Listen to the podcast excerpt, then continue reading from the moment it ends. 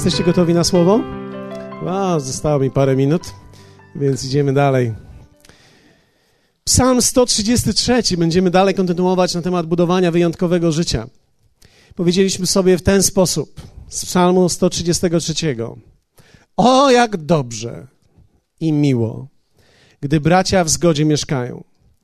Jest to jak cenny olejek na głowie, który spływa na brodę, na brodę Aarona, sięgającą brzegu jego szaty.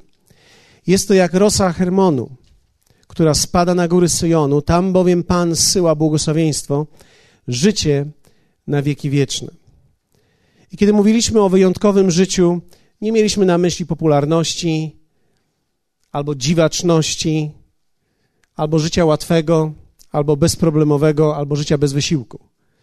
Ale wyjątkowe wierzę w to, że każdy człowiek, wierzę w to, że ty masz w sobie bardzo wyjątkowy potencjał, który został umieszczony wewnątrz ciebie, który otrzymałeś od Boga. Nie ma drugiej takiej osoby jak ty. I nie chcę tego mówić po to, żeby cię ukoronować. Ja chcę ci powiedzieć, żeby pobudzić czy obudzić wewnątrz ciebie tego wewnętrznego człowieka, który jest w stanie sięgnąć po tą wyjątkowość, dlatego że ona nie przychodzi z wiekiem.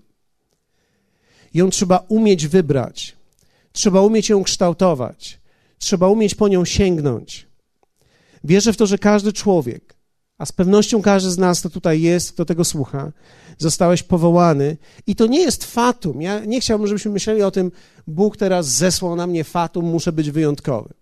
Nie musisz. Jeśli naprawdę nie chcesz, nie musisz, ale możesz. Myślę, że ta wyjątkowość to jest między innymi umieszczona w tym, że każdy z nas może w wyjątkowy, Boży sposób wpływać na środowisko, w którym Bóg nas umieścił. W pracy, w szkole, w kościele. Nie każdy z nas dostanie mikrofon. Niektórzy tak, ale nie każdy z nas dostanie mikrofon. W pewnym sensie mikrofon e, nie jest wielką rzeczą. Myślę, że to, co jest bardzo istotne, to jest wyjątkowość, która stoi za osobą. Wierzcie mi, każdy człowiek, który nawet nosi mikrofon, musi również umieć żyć wyjątkowym życiem bez niego. Dlatego, że nie da się być wyjątkowym mówcą i nie być wyjątkowym człowiekiem, ponieważ wtedy to ma wszystko krótkie nogi. Po prostu nie da się. Wyjątkowe życie budowane jest z wyboru. Czyli ty musisz podjąć decyzję i powiedzieć: Tak, chcę, aby moje życie było wyjątkowe. I teraz nie musisz mieć 22 lat, żeby podjąć ten wysiłek i powiedzieć: Hej, moje życie będzie wyjątkowe, ponieważ mam 22 lata, całe życie przede mną. Nie, wydaje mi się, że człowiek powinien sięgnąć po to w każdym momencie swojego życia. Jeśli masz 55, 60, 45, 35, 32, to w dalszym ciągu się nadajesz. Jeśli masz 22, to dobrze. To wspaniale. Ale prawdopodobnie będziesz musiał kupić tą kasetę, zarezerwować ją i przypomnieć sobie, jak będziesz mieć 32, później 42, dlatego że sezony życia się zmieniają i życie na, nakłada na nas różnego rodzaju ciężary. W zupełnie naturalny sposób przychodzą okoliczności, które się nie podobają nam. Nie zawsze mamy wybór na te rzeczy, które nam się przydarzają, ale mamy w dalszym ciągu, w każdym momencie możliwość sięgnięcia po wyjątkowość, którą Bóg włożył do nas. To słowo z Psalmu 133 jest na tyle interesujące, że ono pokazuje, że dobrze i miło, powiedzmy razem słowa dobrze i miło. Wiecie, to słowo dobrze to jest, to jest dobrze, to jest, greckie, to jest hebrajskie słowo tobe, ale miło znaczy przyjemnie. Czyli w momencie, kiedy ludzie są razem, to jest dobrze, dlatego też Biblia mówi, tam, gdzie jest dwóch, tak, to jest dobrze, kiedy jest dwoje, czy kiedy jest dwóch, dwoje, jest dobrze, ale miło jest wtedy, gdy są w zgodzie. Czyli dobrem jest, gdy ludzie są razem, ale gdy są w zgodzie, to już w ogóle jest miło. Czyli nie chodzi tylko o to, żeby było dobrze, czy żeby to było dobrem dla nas, że jesteśmy razem, ale żebyśmy również umieli wytworzyć atmosferę, w której będzie nam miło, przyjemnie, także dobrze być, dobrze wracać, dobrze być razem, dobrze być razem z moją żoną, dobrze być razem z dziećmi, dobrze jest być z ich przyjaciółmi, z ich, jakkolwiek to dzisiaj się nazywa. Hallelujah. Dobrze jest być razem. i miło, gdy jesteśmy w jedności. I powiedzieliśmy sobie o tym, że stosunek do ludzi jest kluczem. Dlatego, że kiedy uczymy się prawidłowego stosunku do ludzi, nasz stosunek do ludzi zadecyduje o naszym życiu. Wiecie, stosunek do ludzi jest nieprawdopodobną kwestią, dlatego że on decyduje o tym, jak będzie wyglądało nasze życie. Do końca to nawet nie jest to, jakie masz dary. Ale jeśli masz wielkie dary, a twój stosunek do ludzi jest nieprawidłowy, to wierz mi, będziesz zmagał się z tym. Będziesz jak taki parownik, który ma wielkie ciśnienie wewnątrz, ale bardzo słaby gwizdek i pojawia się on tylko wtedy, gdy ciśnienie przekracza pewną normę. Nie będziesz wtedy wielkim błogosławieństwem dla ludzi, dlatego że umiejętność bycia z ludźmi jest kluczem w zwycięstwie w ogóle w życiu. Ponieważ to nie świadczy tylko o Twoim stosunku do ludzi, ale to świadczy również o Twoim stosunku do Boga i Twoim stosunku do samego siebie. Mówiliśmy parę tygodni temu o prawidłowym dystansie do siebie. Człowiek musi umieć śmiać się z siebie. Dlatego, że Twój dystans do siebie pozwala Ci nabierać dystansu do ludzi, lepiej rozumieć ludzi. Powiedzieliśmy o kilku rzeczach związanych ze stosunkiem do ludzi. Zaczęliśmy od tego, że tak naprawdę musimy uważać na podejście do ludzi wierzących lub niewierzących. Dlatego, że my zbyt często dzielimy ludzi na wierzących i myślimy, że wierzący to ci z aureolą, a ci niewierzący to ci z rogami. Wierzcie mi, aureola i rogi pojawiają się w życiu jednych i drugich. W kieszeni masz i aureole, i rogi.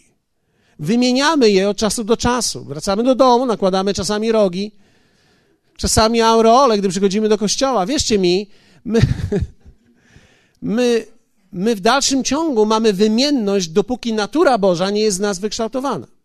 Więc powiedzieliśmy sobie również, że niektórzy ludzie nieodrodzeni z Boga mają więcej Bożych cech wynikających z błogosławieństwa bycia na przykład w dobrym środowisku, niż niektórzy ludzie odrodzeni z Boga.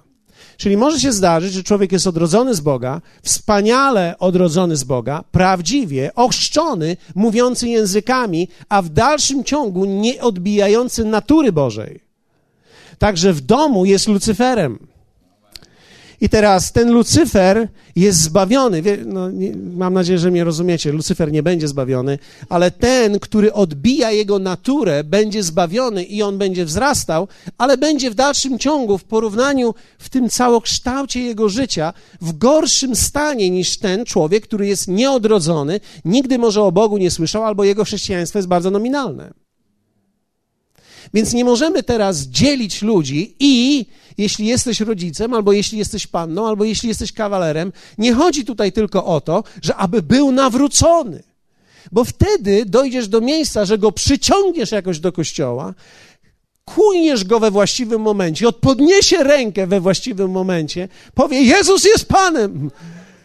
Tylko problem nie jest w tym, że on jest teraz nawrócony. Problem, problem leży w tym, jakim on jest człowiekiem.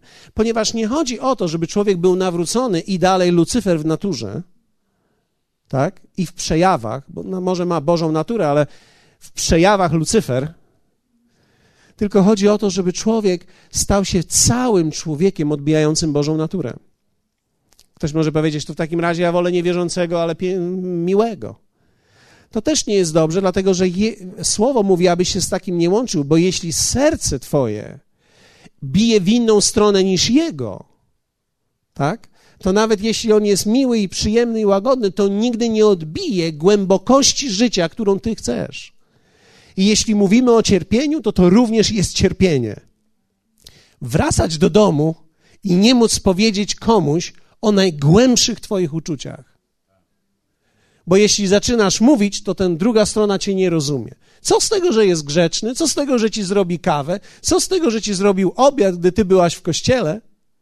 Lepiej niż miałby cię zamknąć w piwnicy, ale w dalszym ciągu, w dalszym ciągu nie możesz tej głębi przekazać i nie jesteście w czymś razem i nie kochacie wspólnie tego samego. Więc zarówno jeden przypadek, jak i drugi przypadek nie jest dobry. Ktoś może zadać pytanie, a jaki jest dobry? No dobry jest przypadek taki, kiedy, kiedy dwoje ludzi chce tego samego, kiedy mają w sobie to samo, kiedy, kiedy, kiedy dwoje wierzących ludzi naprawdę ma pasję za Jezusem. To jest idealny stan.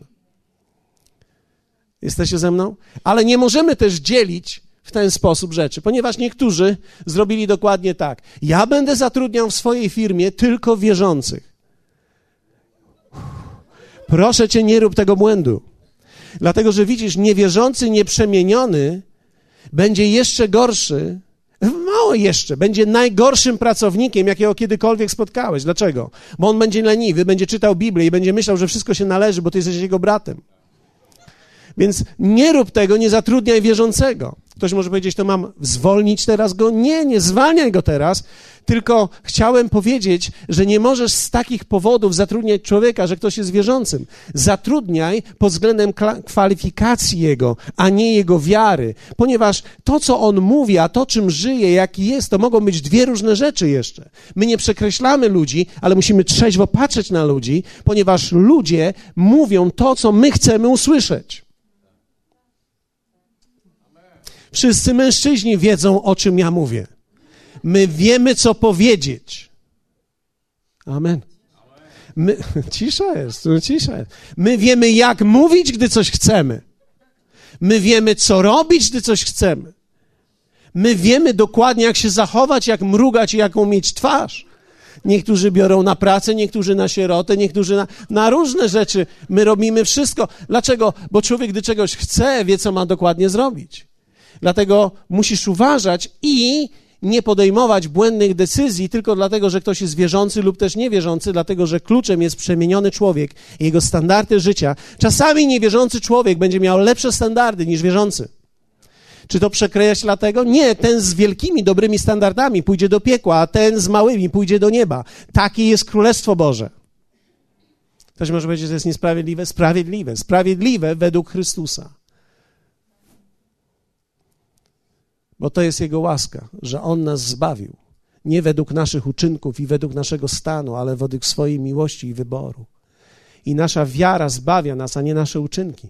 Ale to daje nam potencjał, że możemy teraz w Chrystusie dojrzewać, rosnąć tak, abyśmy byli mili dla innych ludzi, dobrymi pracownikami, wspaniałymi mężami, świetnymi żonami, świetnymi dziećmi, fantastycznymi ojcami duszami towarzystwa. Ludźmi trzeźwymi, a jednocześnie pełnymi humoru. Ludźmi, którzy są na tak, nie tak jak w filmie. Także nie pytaj, jaki jest pożytek z odrodzenia. Wielki pod każdym względem. Masz sobie życie wieczne, zostałeś uzdolniony do relacji z Bogiem. Duch Święty może cię napełnić mocą do ponadnaturalnego życia i chodzenia w mocy Bożej. Ale Królestwo Boże, powiedzieliśmy, Rzymian 14, to nie pokarm i napój, lecz sprawiedliwość i pokój i radość w Duchu Świętym, bo kto w tym służy Chrystusowi, albo tak, w taki sposób, miły jest Bogu, zobaczcie, i przyjemny ludziom.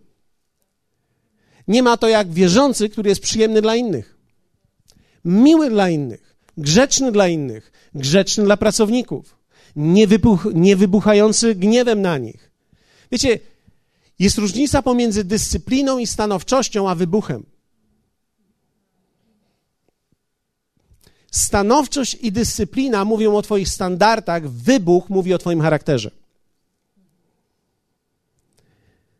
Dążymy więc do tego, co służy pokojowi i ku wzajemnemu zbudowaniu. Powiedzieliśmy o tym, że Jezus, który reprezentował pełny wymiar Boży, był otoczony ludźmi. Ludzie chcieli być z Jezusem. Wierzę w to, że kiedy jesteś wierzącym, zdrowym, ludzie chcą być z Tobą. Żaden zdrowy wierzący nie będzie samotny. Będziesz musiał się oganiać od ludzi, ale nie będziesz musiał, bo będziesz ich lubił.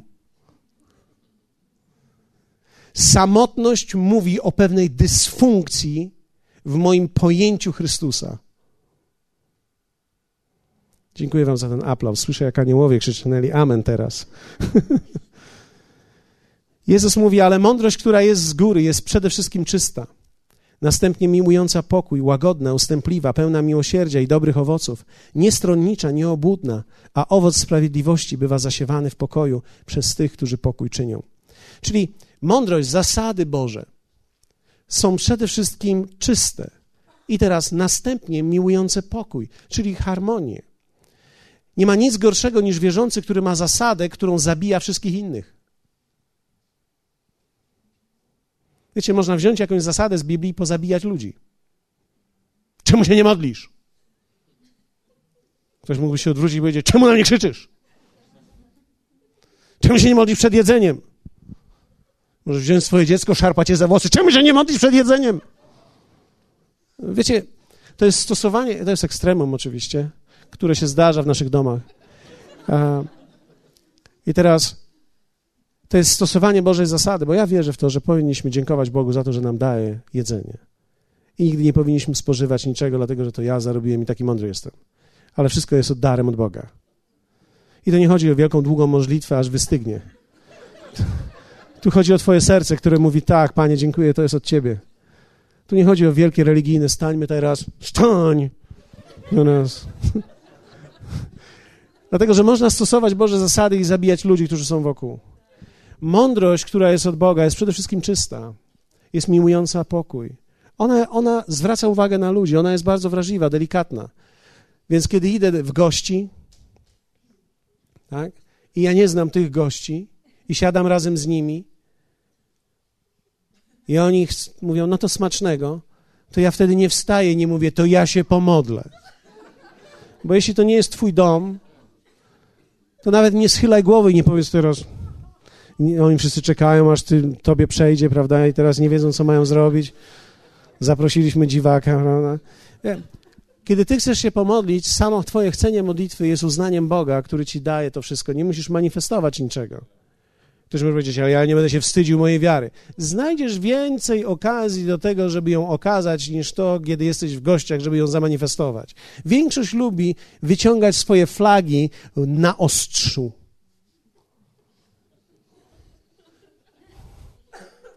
Więc my nie chcemy tak, na, my chcemy podźgać ludzi. Hm, ta sprawiedliwość w nas.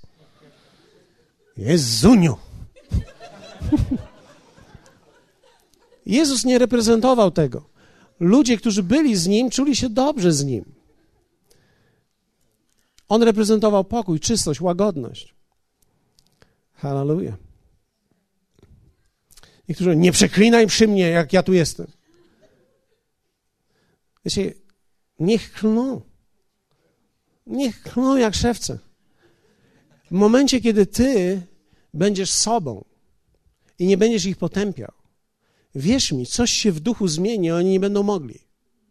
Coś się zmieni i coś będzie działało na nich. Nie, I nie będziesz musiał mówić, nie przeklinaj, bo ja jestem wierzący. Kiedy on przeklina, a ty jesteś wierzący, to on grzeszy, nie ty. A co ma robić grzesznik, jak nie grzeszyć? Nie palcie przy mnie. O, i co jeszcze mamy nie robić przy tobie? Wiecie, czasami niektórych ludzi chcielibyśmy przybić do ikony i uwielbiać ich.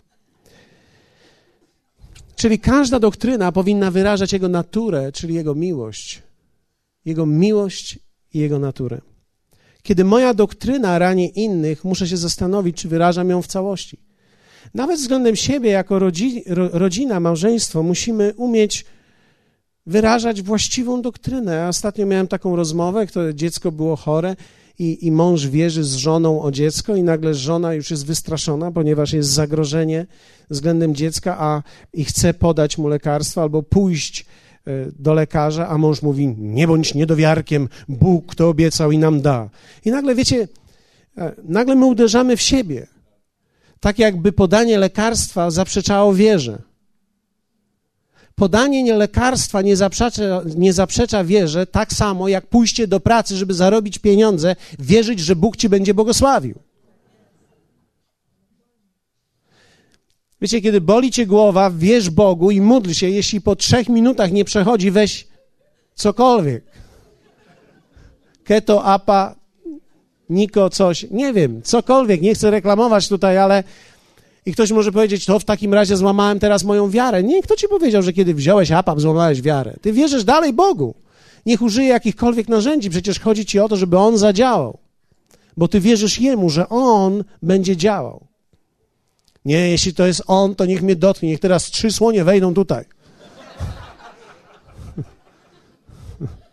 Wiecie, niektórzy stawiają takie progi Bogu i tak go izolują, że tak naprawdę Bóg by musiał dla nich specjalną Biblię napisać, żeby do nich dotarło. Bóg dał nam jedno słowo i tak naprawdę działanie w naturalnym nie zaprzecza wierze w ponadnaturalnym. Zwłaszcza, kiedy chcę wierzyć o uzdrowienie mojego dziecka i walczę z moją żoną. Hej, wiara jest czynna w miłości. Więc jeśli ja przestaję kochać, przestaję wierzyć. Słyszałem, jak aniołowie krzyknęli amen. Powiedzieliśmy o tym, że musimy się powstrzymać od osądu, tak? To był pierwszy nasz punkt. Dzisiaj miałem zrobić dwa i mam pięć minut. Powstrzymuj się od osądu, nie zatrzymam się na tym. Drugie, wyrażaj szacunek względem ludzi. Powiedzieliśmy również o tym i zacząłem mówić o tym, nie dokończyłem. Powiedzieliśmy, że każdy człowiek nosi w sobie Boży obraz. Bliskość jest wyzwaniem. Łatwiej jest wyrażać szacunek do ludzi, którzy są daleko, niż do tych, którzy są blisko. Dlatego łatwiej jest pokochać nowy kościół, niż przełamać się w moim starym. Łatwiej jest polubić nową dziunię, niż pojednać się ze starą. Nie ma nic tutaj z wiekiem wspólnego. Ja nie mówię, że to musisz zrobić, ja mówię tylko, że łatwiej jest. Tony Miller zawsze mi mówił w ten sposób: łatwiej jest coś nabyć nowego, niż utrzymać stare. Fakt jest tylko taki w życiu, że za każdym razem, kiedy coś nabędziesz, to się nie skończyło z dniu nabycia. Będziesz musiał to utrzymać. A więc rachunek nie tylko przyszedł wraz z nabyciem, ale będą przychodzić teraz w używaniu. Hallelujah. Zobaczcie, 1 Piotra 3 jest wspaniały tekst. Lecz Chrystusa Pana poświęcajcie w sercach waszych. Ja wiem, co to znaczy, ale nie powiem dzisiaj, bo nie mam, nie mam czasu. Zawsze gotowi do obrony przed każdym, domagającym się od was wytłumaczenia z nadziei waszej. Lecz czyńcie to z łagodnością i szacunkiem.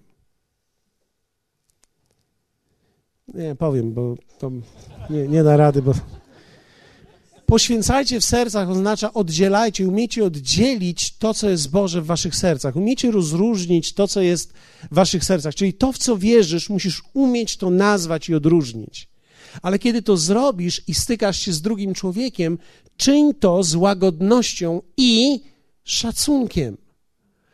Drugi człowiek ma prawo do swojego zdania. Ludzie mają prawo do swojego zdania, szczególnie kiedy jest inne.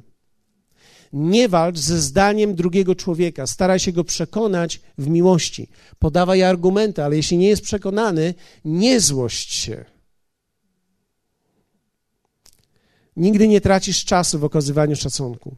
Nie tracisz czasu, kiedy prac, pracując popatrzysz na tego, kto wchodzi do biura, a ty odwracasz oczy z ekranu na drugiego człowieka. Drugi człowiek ważniejszy jest niż jakikolwiek ekran i jakakolwiek rzecz, która się dzieje.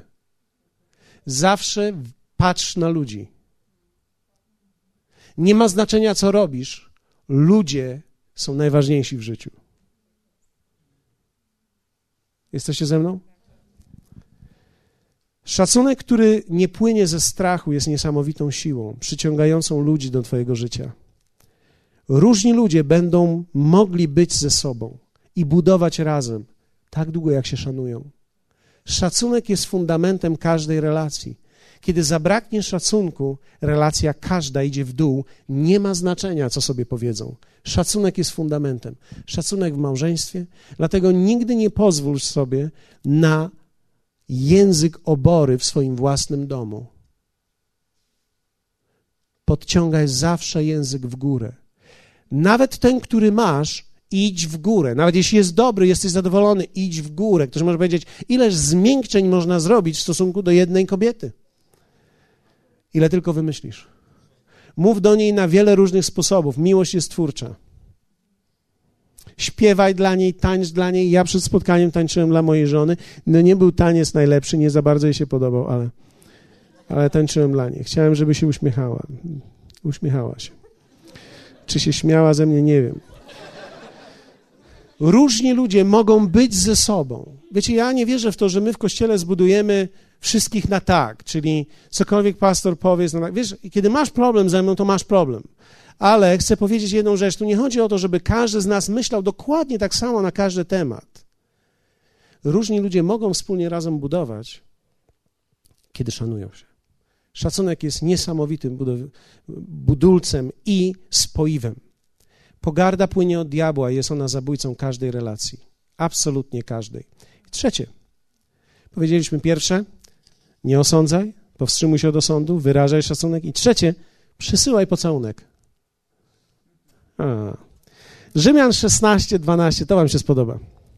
Wiedziałem, że trafiłem.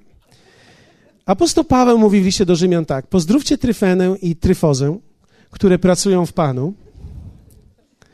Pozdrówcie Persydę, umiłowaną, która wielce pracowała w Panu, już nie pracuje. Czyli są ludzie, którzy pracowali, już teraz nie. Pozdrówcie Rufa, wybranego w Panu, i matkę jego, i moją również. Słyszeliście o tym? Apostoł Paweł pozdrawiał swoją mamę. Pozdrówcie moją, jak ją zobaczycie. Pozdrówcie Asynekryta, Flegonta, Hermesa, Potrobę albo Wątrobę, Hermasa i braci, którzy są z nimi. Pozdrówcie Filologa, Julię, i Nereusza, i siostrę jego, i Olimpasa, i wszystkich świętych, którzy są z nimi. Pozdrówcie jedni drugich pocałunkiem świętym. Pozdrawiają was wszystkie zbory Chrystusowe. Apostoł Paweł nakazał nam się całować. Apostoł Paweł mówi o pocałunku świętym. Poczekajcie chwilę, jeszcze nie skończyłem. 1 Koryntian 16, 20 mówi tak: Pozdrawiają was wszyscy bracia, pozdrówcie jedni drugich pocałunkiem świętym. Poczekajcie chwilę, bo to będzie dzisiaj zabawne, obok kogo usiadłeś, to jest już twój wybór. to był Bóg. Drugi Koryntian 13 mówi tak, w końcu bracia, bądźcie zdrowi, doskonalcie się, weźcie sobie napomnienie do serca, bądźcie jednomyślni, zachowujcie pokój, a Bóg miłości i pokoju będzie z wami. Pozdrówcie się nawzajem pocałunkiem świętym. Pozdrawiają was wszyscy święci. Łaska Pana Jezusa Chrystusa i miłość Boga i społeczność Ducha Świętego niech będzie z wami wszystkimi. Pocałunek to jest dokładnie mówiąc sygnał, który wychodzi z ciebie.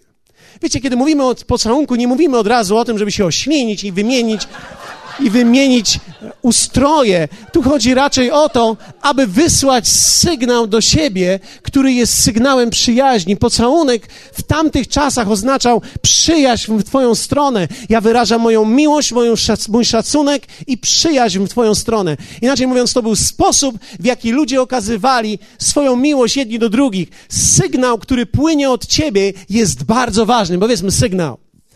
Każdy człowiek wysyła sygnał. Jeden wysyła sygnał, hmm, jeden wysyła sygnał, hmm. wiecie, słowo mówi, abyśmy wysyłali sobie nawzajem sygnał miłości, szacunku, wzajemnego przyjęcia i wzajemnego oddania. To jest, wiecie, nieprawdopodobne, jak ten sygnał może płynąć z nas. To może być uśmiech, to może być mały wpis na gadu, To może być mała kartka zostawiona żonie w, w, toalecie. Nigdy nie zostawiłem takiej, ale mam jeszcze przed sobą parę, parę lat życia. To może być kartka, kocham cię. To może być mała czekoladka. To może być w Sano kupione trzy Merci tylko dla niej. Hej, ludzie kupują futerka dla zwierząt. Ludzie kupują skafanderki dla pieska. Skafanderek dla kotka miseczkę srebrną, a ludzi nie kochają. Sygnał, który wysyłał Jezus do ludzi, był niesamowitym sygnałem przyjaźni i miłości. Jaki jest Twój sygnał do ludzi? Jaki jest nasz sygnał do siebie nawzajem? Co możemy zrobić, aby sobie nawzajem okazywać tą miłość, wyrażać sobie te sygnały? Mówiliśmy o SMS-ach. To jest tylko jeden ze sposobów, kiedy ja mogę wyrazić Ci moje odczucie, które mam względem Ciebie, tego dnia, w tym momencie. To są sygnały, które wykorzystujemy i ludzie są zbudowani i wzmocnieni, dlatego że my wszyscy jesteśmy zbudowani, kiedy nawzajem wysyłamy sobie sygnał miłości i pocałunku. A teraz, zgodnie z umową, odwróć się do osoby, która jest obok ciebie, daje piątkę, cokolwiek. Miłego wieczoru, wszystkiego dobrego, do zobaczenia w niedzielę.